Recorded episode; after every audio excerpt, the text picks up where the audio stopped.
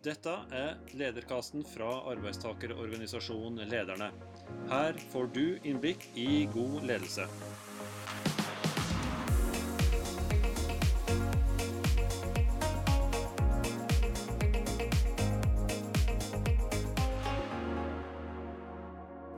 Hjertelig velkommen til en ny episode av Lederkasten fra arbeidstakerorganisasjonen Lederne. Mitt navn er Sverre Simen Hov, og jeg har med meg en ny og spennende gjest eh, den gangen her. Hun har eh, tung og lang politisk eh, ledererfaring. Og mange av oss har nok sett Rigmor Aasrud i debatt på TV eller i nyhetssendinger og som en ganske poengtert debattant. Allikevel så har vi vel et inntrykk av Rigmor Aasrud som en jovial, folkelig og respektert kvinne med godt humør. Hun har vært ordfører, statssekretær, nordisk samarbeidsminister, medlem av skistyret, statsråd i Stoltenberg-regjeringa og stortingsrepresentant, for å nevne noe. Og så har hun eh, den siste tida òg vikariert som parlamentarisk leder for eh, Arbeiderpartiet eh, for Hadia Tajik. Og I dag har vi med oss Rigmor Aasrud i lederkassen. Hjertelig velkommen, Rigmor. Takk for det. Hyggelig å være her. Du, Det er en ganske lang rekke med verv du har hatt gjennom noen år. Men du har òg jobba en del utafor politikken før du havna i, i lederposisjoner politisk. Kan du si litt om det? Ja, jeg har det. Og det er jeg veldig glad for. At jeg har hatt et, eh, et vanlig liv. Jeg jobber på en vanlig bedrift. Jeg har jobba eh, mange år i reiselivsbransjen eh, i Oslo. Og så den siste tida før jeg ble heltidspolitiker, så var jeg mellomleder i en IT-bedrift oppe på Gran på Hadeland, der jeg bor. Veldig spennende. Var med og bygde opp den, var den tredje ansatte. Og, og var med og bygde opp den gjennom mange år. og Jobba da med lønn og personal og IT-systemer som eh, støtta opp under det. Mm. Så kommer du, som du sier, fra Gran. Ja. Innlandet. Samme del av landet som jeg kommer fra. Du var ordfører på Gran i ti år, var det vel? Hvordan klarte du å sitte så lenge som ordfører i, i Gran? Hva er det som er nøkkelen for å, å bli gjenvalgt og, og bli respektert eh, lokalt? Jeg tror du må ha trua på det du driver med. Trua på kommunen din, trua på de du jobber sammen med. Jeg hadde veldig mange dyktige medarbeidere da jeg var ordfører i Gran. Og vi var en kommune som ville mye. Eh, noen ganger kanskje litt mye, men eh, det er bare å ville litt mer enn det du får til. Dere ikke ville noe. Så det er veldig mange gode, gode medarbeidere. Og så er jo den ordførerjobben etter min mening litt undervurdert. Det er jo sånn at mange tenker at du det er liksom mer stas å være på Stortinget eller å være i andre deler av, av den politiske sfæren. Da. Men det å være ordfører er veldig interessant. Du kommer veldig nær folk. Du møter folk på butikken. Dattera mi pleide å si at vi måtte i hvert fall beregne dobbelt tid når vi skulle handle, for det var så mange som ville prate med deg. Og det, det var det. Men, men, samtidig så var det hyggelig, som regel. Men også noen som tok opp saker direkte med meg.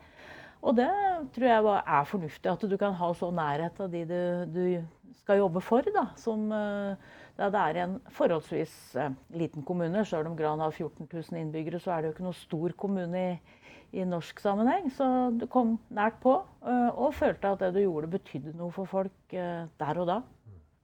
Og når du da hadde de møtene på butikken eller i andre sammenhenger lokalt, det har du sikkert fortsatt som stortingsrepresentant og ganske profilert eh, politiker. Uh, hender det da at du, at du føler på litt sånn skyldfølelse fordi det er ting som blir tatt opp da som du enten ikke klarer å gjøre noe med sjøl, eller uh, du føler at du kanskje burde gjort enda mer med, med sjøl? Ja, det er det. Og jeg husker veldig godt da jeg begynte som ordfører. Da var det ett brev som lå på, lå på pulten min, og det var en som hadde hatt store utfordringer med narkotika, eh, men ville gjerne komme seg tilbake igjen i livet. Og det å kunne, liksom, Først så var jeg sånn Hvor skal jeg gjøre av det brevet her? Hva skal jeg gjøre med dette her? Men så fant vi en løsning på det, og det var veldig, veldig fint. Og jeg gikk eh, natteravn sammen med den personen eh, mange år etterpå. Det var veldig givende å se at du kunne bety noe da, for enkeltpersoner òg. Men eh, det er klart det er eh, utfordringer som folk møter i livet sitt som du heller ikke klarer å finne en politisk løsning på. Og, Og sjøl om vi er heldige her i Norge og har store midler som vi kan bruke på velferd og få ting til å henge sammen, så er det jo ikke alt du kan løse heller sånn som folk kanskje har forventninger om. Mm. Og vi er heldige som har det landet og det systemet som oss har. Mm. Du har jo nå sittet tolv år eh, på Stortinget. Og du er i dag første nestleder for arbeids- og sosialkomiteen på Stortinget. Eh, den her eh, dynamikken mellom eh, partiene Når vi ser nyhetssendinger i debatten, så ser det ut som dere er ganske uenige, og, nesten så uenige at det kanskje er uvenner. Men det stemmer kanskje ikke. Kan du si litt om hvordan dere jobber sammen for å finne gode løsninger politisk på tvers av partilinjene på Stortinget? I denne perioden har det jo vært veldig spesielt med det koronaåret som vi har hatt bak oss. Så det har nok vært mer samarbeid på tvers av partiene nå i denne perioden, eller det det normalt er. Fordi for det var store oppgaver som måtte løses. Og Stortinget tok jo tak i det på en helt spesiell måte med å gjøre forbedringer. Sånn at vi har kommet oss gjennom den koronakrisa på en ganske god måte. Eh, men det, men det, er nok sånn at eh, ja, vi er uenige om saker. Og det er jo det som er demokratiet. Men samtidig så, så ja, det, vi finner jo sammen for å finne løsninger i enkelte saker. Men det er nok ikke sånn at vi sitter så veldig mye sånn rundt et bord og tar du den, så tar jeg den. Det, det er jo partistandpunkter som gjelder. Og så, og så hender ser at det er fornuftig det andre foreslår og andre mener. Så da kan vi finne sammen og skrive oss sammen i Stortinget. Men uh, det skjer veldig mye. altså Det er ikke sånn at det skjer så mye i møterommet. Det skjer mer på mail og, og sånn. Uh, snakke sammen. Er du enig i det, så kan vi kanskje gjøre det sånn. Men det er ikke så mye sånn møter som vi sitter og diskuterer eh, løsninger i, som folk tror utentil, tror jeg. Og nå i det siste har det jo ikke vært fysiske møter eller i Stortinget. Vi har jo møttes i komiteene bare på Teams, sjøl om vi har sett dem på kontorene rett ved siden av hverandre. Eh, så, men vi har jo vært sammen og vi har vært inne i stortingssalen og jo hatt debatten og sånn. Men eh, men vi er gode venner allikevel. Og så er det jo sånn politiske både medspillere og motstandere, holdt jeg på å si, at vi, noen får du bedre kontakt med enn andre. Det er jo ikke alle 169 som jeg kjenner like godt, men de du er i komité med, får du et annet forhold til. Og særlig fordi vi reiser en del, både inn- og utland, og det er med å sveise oss sammen og, og bli litt bedre kjent. Og det er lettere å ta opp ting, da. Mm. Det siste tida så har du, i tillegg til de andre vervene, vikariert som parlamentarisk leder. Nestleder. Nestleder. Ja. Eh, det vil jo si at du har og da egentlig leda noen av dine egne. Eh, hva slags utfordringer har du støtt på i den uh, forbindelse? Det er vel noe mange i hvert fall lyttere uh, kanskje kjenner seg litt igjen ja da, og det gjør vi jo hele tida. Som, som, jeg har vært det de kaller fraksjonsleder også i arbeids- og sosialkomiteen. Og da er det, jo, er det, jo, sånn at de som er fraksjonsledere, de leder jo likesinna. Uh, eh, de er ikke ansatt. De er valgt. De har sitt votum fra velgere hjemme. Så det blir jo en ledelse på en annen måte eller når du leder i en ansatt organisasjon, linjeorganisasjon. Uh, og vi har jo, sjøl om vi representerer samme partiet, så er det jo sånn at det er litt forskjellige oppfatninger mellom oss òg. Så da gjelder det å lytte da, og høre og prøve å forstå hva den ene tenker og hva den andre tenker. Og så bruker jeg Noen vil vel kanskje si at jeg er litt for demokratisk sånn, at jeg bruker litt tid på det og hører på hva folk sier. Og så må vi prøve å trekke en konklusjon da, uh, som skal være vårt standpunkt i saken. Det gjelder enten det er internt i den den komiteen og den fraksjonen som jeg jobber sammen med eller når jeg fikk lov å fungere som parlamentarisk nestleder. Og, og det var andre typer problemstillinger mellom forskjellige av våre, våre grupper da, eh, som hadde litt forskjellige synspunkter på saker. Det er klart at uh, De som jobber med finans, er jo ofte opptatt av at vi ikke skal bruke mer penger enn det vi skal, mens andre syns det er fornuftig at vi kanskje legger litt mer penger i en bestemt sak. Og sånne ting må du da prøve å finne ut av. Men jeg prøver å lytte. Øh, tenke at vi er likesinna, og tenke at øh, det at vi har forskjellige utgangspunkt da, og forskjellige meninger om saken, det kan jo gjøre at vi får et bedre resultat, eller om én skulle sitte og bestemme at sånn er det. Du beskriver jo et miljø som er veldig konsensusprega, og, kanskje som det norske samfunnet ganske egalitært eh, i, i grunn. Og så nærmer oss oss jo nå en markering av kanskje noe av det dystreste som vi har opplevd eh, siden krigen. Sannsynligvis det dystreste i Norge, nemlig 22.07. Eh, da var jo du fornyings-, administrasjons-, kirkeminister i, i regjeringa til Jens eh, Stoltenberg. og eh, opplevde jo det her på veldig nært tolv. Du medlem av Arbeiderpartiet var berørt av det her sjøl. Eh, hvordan var din opplevelse eh, av ja, når det her skjedde, og, og tida eh, etterpå? Hva krevde det av, av Rigmor Aasrud da? Ja, det var jo en helt forferdelig situasjon. Eh, så, så for oss som var berørt, var det jo Det var jo først og fremst de som døde, som ble skadd, de som var pårørende, som opplevde det aller verst. Det er viktig å si. Eh, men det er klart det var veldig spesielt å stå midt oppi det. Eh, mange kollegaer, mange folk som du traff hver eneste dag oppe i regjeringskvartalet, var plutselig borte. Døde. Du så de forferdelige bildene der. Men noe av det sterkeste minnet jeg har, det var eh, på lørdag, da vi reiste opp noen statsråder av oss og møtte de pårørende som var på Sundvolden som ennå ikke hadde fått beskjed om hva som hadde skjedd med deres barn. Det er en dag som jeg aldri opplevd meg så hjelpeløs. Altså, du visste ikke hva du skulle si, du visste ikke hva du gjøre. Hva du skulle gjøre. Så det, den dagen er fortsatt sånn at jeg får litt gåsehud på armene når jeg prater om. Og så var det veldig spesielt den uka det var begravelser. Da reiste vi jo i mange begravelser, alle sammen. Holdt taler, møtte pårørende.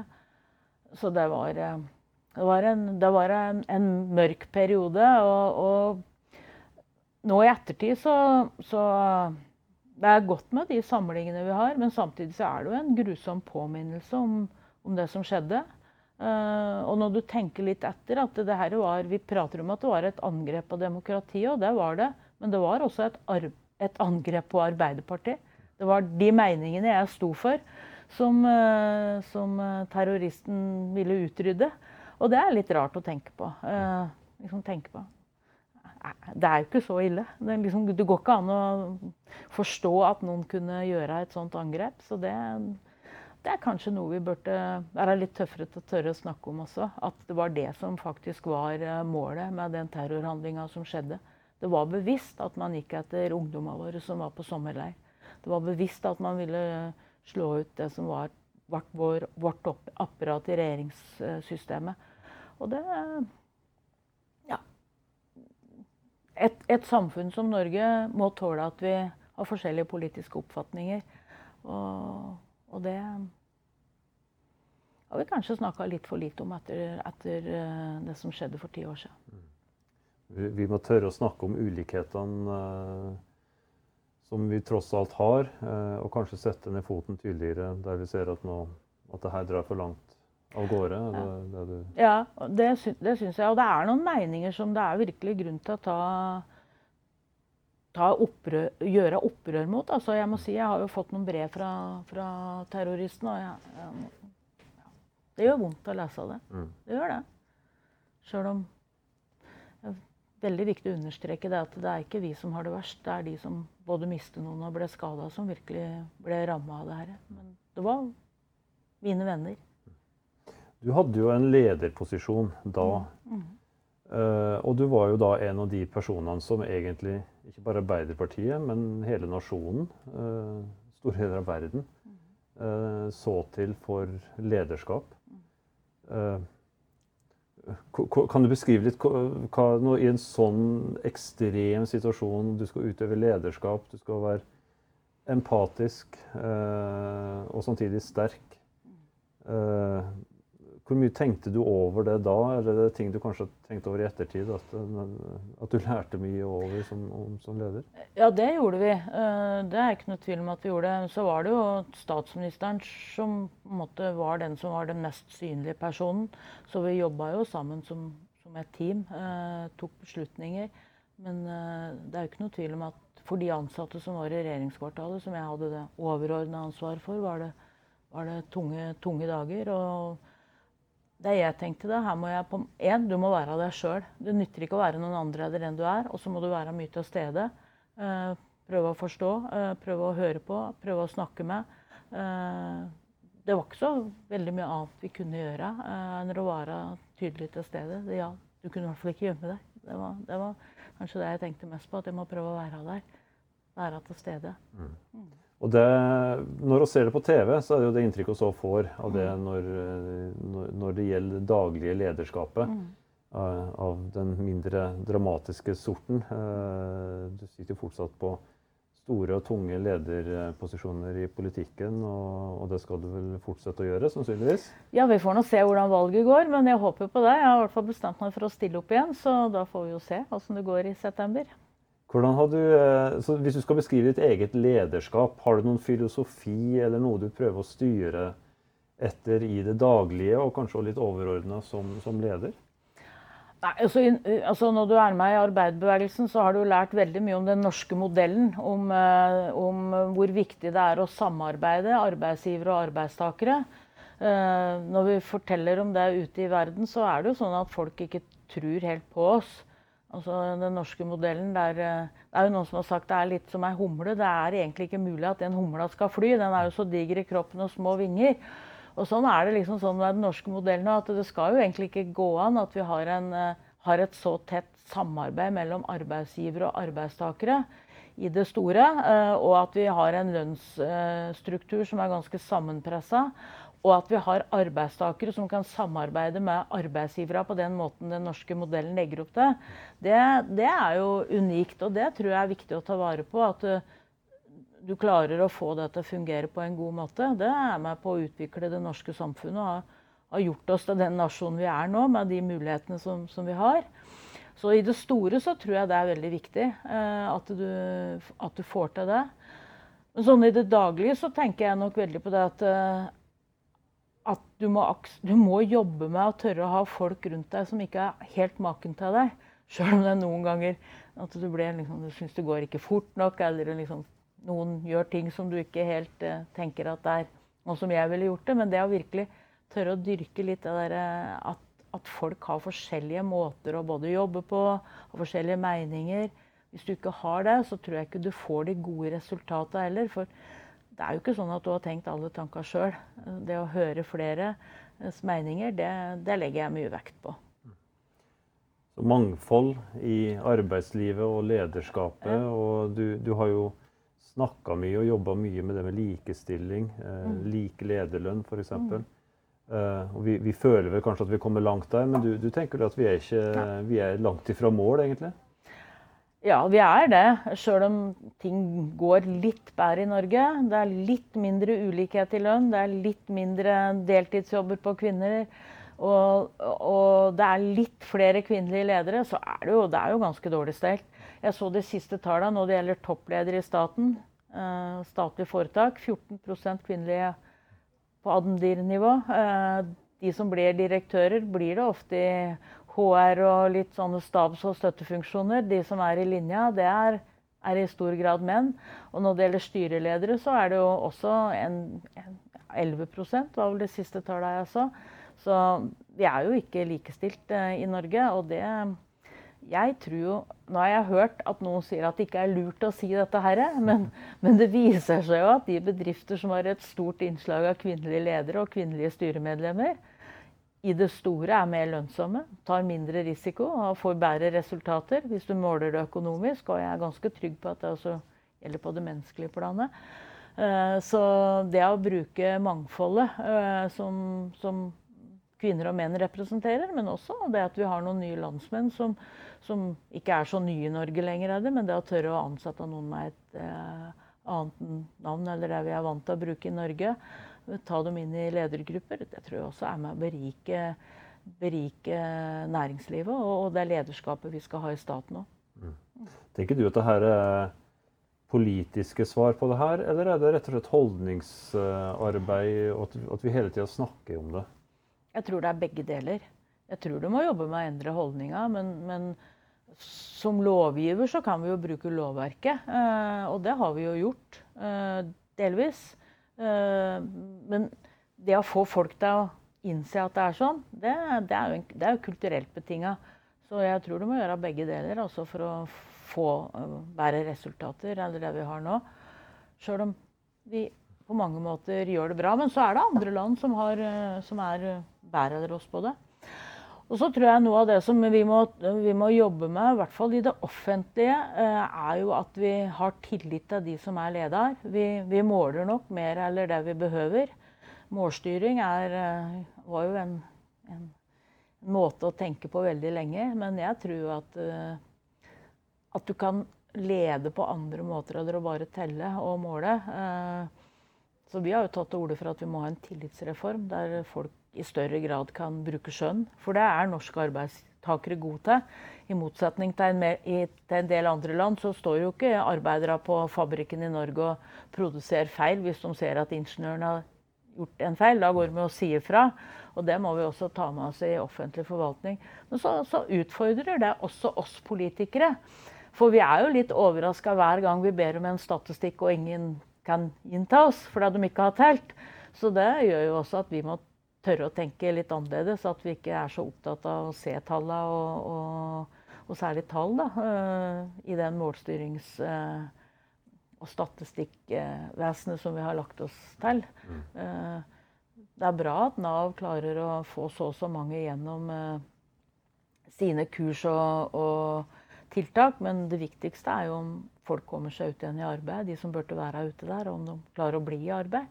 Så det er liksom sånn, jeg tror vi må, tenke, må snu litt tenkinga på det. At vi må vise tillit til de som jobber i de ytre etatene, som faktisk føler på problemstillingene og, og, og burde ha litt mer handlingsrom til å skreddersy løsninger for det de jobber med. Jeg tror det er mange lyttere som uh, hører det du sier nå og syns det høres ut som musikk i deres ører. for det er nok, og vi har, i hvert fall lederne har fått tilbakemelding fra mange mellomledere som mm. føler seg litt skvist med mm. New Public Management og alle de teoriene som uh, i hvert fall for noen år siden var veldig sterke i, mm. i både privat og offentlig ja. næringsliv. Ja. Eh, du, du, jeg vet en historie om det fra når du starta som ordfører. Eh, du fikk et tilbud om kurs nesten ja. første dagen, som kanskje sier litt om mentaliteten? Ja, jeg, jeg, var jo ganske ung da jeg ble ordfører, og jeg hadde i hvert fall ikke vært i Forsvaret. Og i tillegg så hadde, akkurat, hadde kommunen akkurat fått en kvinnelig rådmann. Råddame, som jeg pleide å kalle henne. Nå, nå, tror jeg de kaller det noe annet. men men eh, da var fylkesmannen veldig bekymra for hvordan det skulle gå i Gran. For vi hadde jo ansvar for, eh, for kriseledelse, eh, beredskap. Og vi hadde jo ikke vært i, i Forsvaret, noen av oss. Og det, Forsvaret er jo en god organisasjon for å lære beredskap og tenke beredskap. Men da ble jeg sendt 14 dager på kurs rett etter jeg begynte som ordfører. Og jeg syns det var litt, litt bortkasta på mange måter. Men så bestemte vi oss for at dette skal vi fikse. Så vi ble etter hvert sånn pilotkommune for KS da, for å både lage kriseledelsesplaner og risiko- og sårbarhetsanalyser. Reiste Norge rundt en periode og, og snakka om det, og det syns jeg var ålreit. For det var også litt sånn at det, å ha et kvinnelig blikk Nå sier jeg ikke at ikke menn kan ha det, men det å ha et kvinnelig blikk på beredskap da gjorde at vi var nok mer opptatt av enn mange andre at ikke beredskap bare dreide seg om sjukebiler, sykebiler, brannbiler og politibiler med sirene på. Det kunne dreie seg om andre ting også. Det tror, følte jeg at vi tenkte litt annerledes på i vår kommune eller i en, i en del andre kommuner som jeg snakka med. Mm. Du treffer jo mye folk, uh, bl.a. Uh, sikkert en del uh, yngre kvinner, kanskje fremadstormende mm. leder. Hva slags tilbakemelding får du fra dem på hvordan det det står til i, i arbeidslivet og, og, det å være leder eh, på, opp, opp, og fram i, i, dag? For det første så vi har, jo veldig, vi, har jo, vi har jo et godt arbeidsliv i Norge med noen veldig grove unntak. Eh, men jeg tror veldig mange kvinner eh, føler at det er krevende å få barn. Det at du ble satt litt til side i den perioden etter at du var født og vært hjemme med barn. Det hører jeg mange som sier. Eh, og at det må det jobbes med for at du faktisk skal kunne gjøre den samme karrieren som menn. Og vi vet jo at det er etter at barnefødselen har inntrådt at kvinner og menn eh, skiller lag når det gjelder lønnsutvikling. Så det at eh, menn tar en, en del mer ansvar hjemme, tar en større del av permisjonen og sånn, er jo med på å utjevne noen av de forskjellene. Og så er det mange jenter, tøffe jenter som kommer opp og fram nå og står i tøffe lederjobber. De heier jeg veldig på, men vi trenger flere. Og da trenger vi rollemodellene. Eh, de som forteller hvordan det er. Men vi trenger også at eh, styrerommene forstår at det er viktig med mangfold, at det er viktig å heie på de, og at det går an å legge til rette for både å være mor og å være leder.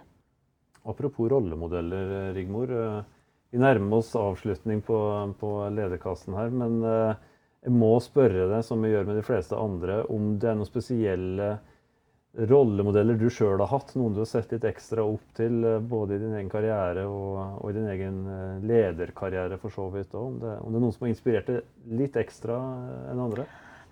Du veit når du var uh, ung jente i Arbeiderpartiet og hadde Gro Harlem Brundtland som statsminister, og som også hadde en veldig tung posisjon i hele verdenssamfunnet, så går det ikke an å ikke bli inspirert av det Gro både gjorde og fikk til. og og den rollemodellen hun var for eh, de aller, aller fleste jenter i Arbeiderpartiet på min alder. Så hun har nok vært min rollemodell. Sikkert også for mange utenfor Arbeiderpartiet. Ja, det tror jeg. Det tror jeg. Mm. Rigmor, hjertelig takk for at du tok deg tida til å bli med oss på Lederkassen i dag. Og lykke til med noen spennende uker og måneder framover. Etter sommeren så er det jo stortingsvalg. Ja, tusen takk for det. Ja, jeg gleder meg til det. Og så håper vi bare at eh, nå smittevernet gjør at vi kan eh, være ute og prate med folk. Eh, det syns jeg er det hyggeligste med valgkamper. Det er å prate med folk. Høre om deres både gleder og sorger i livet. Det er det som gjør det motiverer meg for å drive med politikk. Demokrati i praksis. Hjertelig takk òg til det som har lytta eller sett på Lederkasten eh, i dag. Vi er som alltid veldig interessert i innspill og ideer, tanker til tematikk og gjester. Da er det bare å sende meg en mail direkte på sverre.lederne.no, så tar oss eh, med oss det videre. Vi er tilbake om kort tid med nye gjester, og så ønsker vi dere en riktig god sommer eh, fram til vi ses neste gang.